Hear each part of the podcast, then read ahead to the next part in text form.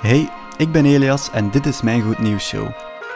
Een samenvatting van het beste goede nieuws van de voorbije week. Hey, welkom terug.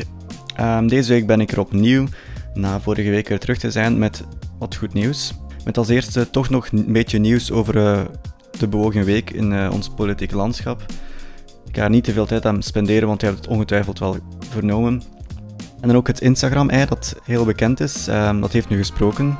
En dan ook nog nieuws over de MIA's, de Music Industry Awards, die deze week ook hebben plaatsgevonden. Ja, zoals ik al zei, was het een bewogen week in het Vlaams politiek landschap. Ik vat het graag nog eens kort samen voor moest je het misschien niet hebben uh, opgevangen. Vorig weekend sprak Joke Schouwvliegen, onze Vlaamse minister van Natuur, Landbouw en Omgeving, mensen toe op een toespraak van het Algemeen Boerensyndicaat.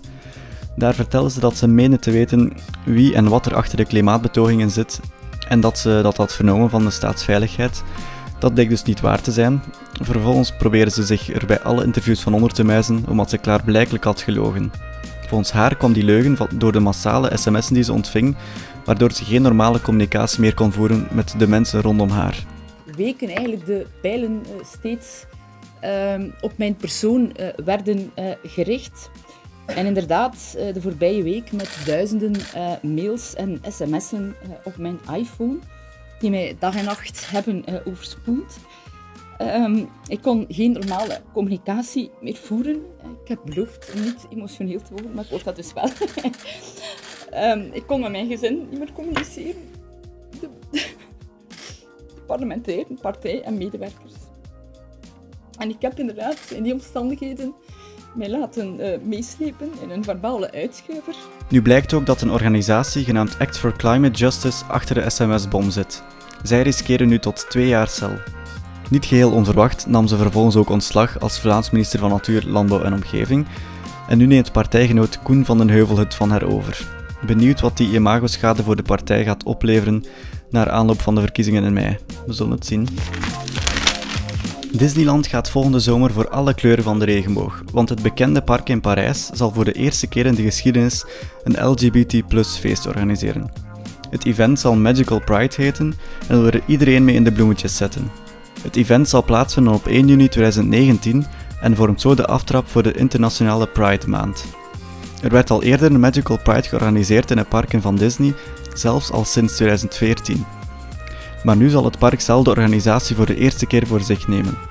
Ter gelegenheid van het event lanceert Disney ook Mickey Mouse oortjes in regenboogkleuren. Die werden ook al in de VS uitgebracht, maar wel niet zonder kritiek. Reacties als we hebben geen regenboogoortjes nodig, we willen representatie in jullie films, werden al vaak verspreid op het internet.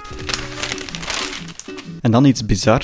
Een huwelijk dat al na drie minuten voorbij is. Het gebeurde in Kuwait op het Arabisch Schiereiland. Meteen nadat het koppel elkaar het ja-woord gaf, liep het al mis. De bruid gleed uit toen ze de trouwzaal wou verlaten. Haar kerstverse echtgenoot noemde haar lomp en dat was voor haar al de druppel. Ze vroeg meteen de scheiding al aan. Dat wilde zeggen dat het koppel eigenlijk nooit als getrouwd stel de rechtszaal heeft verlaten. Hoe zeggen we dat ook alweer? Better safe than sorry of zo? Of misschien gewoon beter twee keer nadenken de volgende keer. Er komen dit jaar weer een heleboel emojis bij. 230 om precies te zijn. Opvallende nieuwkomers zijn onder andere een reeks nieuwe dieren, robotarmen en benen en mensen met uiteenlopende beperkingen. Unicode Consortium, een organisatie die verantwoordelijk is voor het standaardiseren van karakters op het internet, kondigde deze week aan dat de nieuwe emojis binnenkort verschijnen. Men wilde graag meer aandacht schenken aan allerlei beperkingen en koppels van alle mogelijke geslachten en huidskleuren. Er is ook een emoji met een verborgen betekenis. De nieuwe emoji heeft de vorm van een hand die met twee vingers een hoeveelheid aanduidt. Daarover wordt nu gespeculeerd dat het verwijst naar het mannelijke geslachtsorgaan. Zoek hem maar zelf op en uh, een oordeel als je wil. Het Instagram-ei dat het wereldrecord van meer dan 52 miljoen likes haalde, heeft nu gesproken. Het ei, dat de naam Eugene draagt, sprak kijkers van een Amerikaanse streamingdienst toe tijdens de reclame van de bekende Super Bowl. Onlangs barstte het ei op Instagram door de druk van sociale media, zo blijkt nu. Hiermee ging een campagne rond mentale gezondheid gepaard. Het ei adviseert om hulp te zoeken als het even niet meer gaat. Het bericht werd ondersteund door Mental Health America, een non-profit organisatie. En dan als laatste nog wat nieuws uit muziekland. De MIA's, of de Music Industry Awards, werden deze week uitgereikt. Het zal je waarschijnlijk niet veel verbazen dat Niels de Stadsbader de meeste awards in ontvangst nam. Nee, nee, dat gaan we echt niet doen. Nee, nee, nee. Hij wordt dan ook de grote winnaar van de MIA's genoemd, met onder andere beste album, soloman en beste Nederlandstalige artiest. Angèle, de jonge Brusselse popartieste die het tegenwoordig erg goed doet, was ook een grote kanshebber.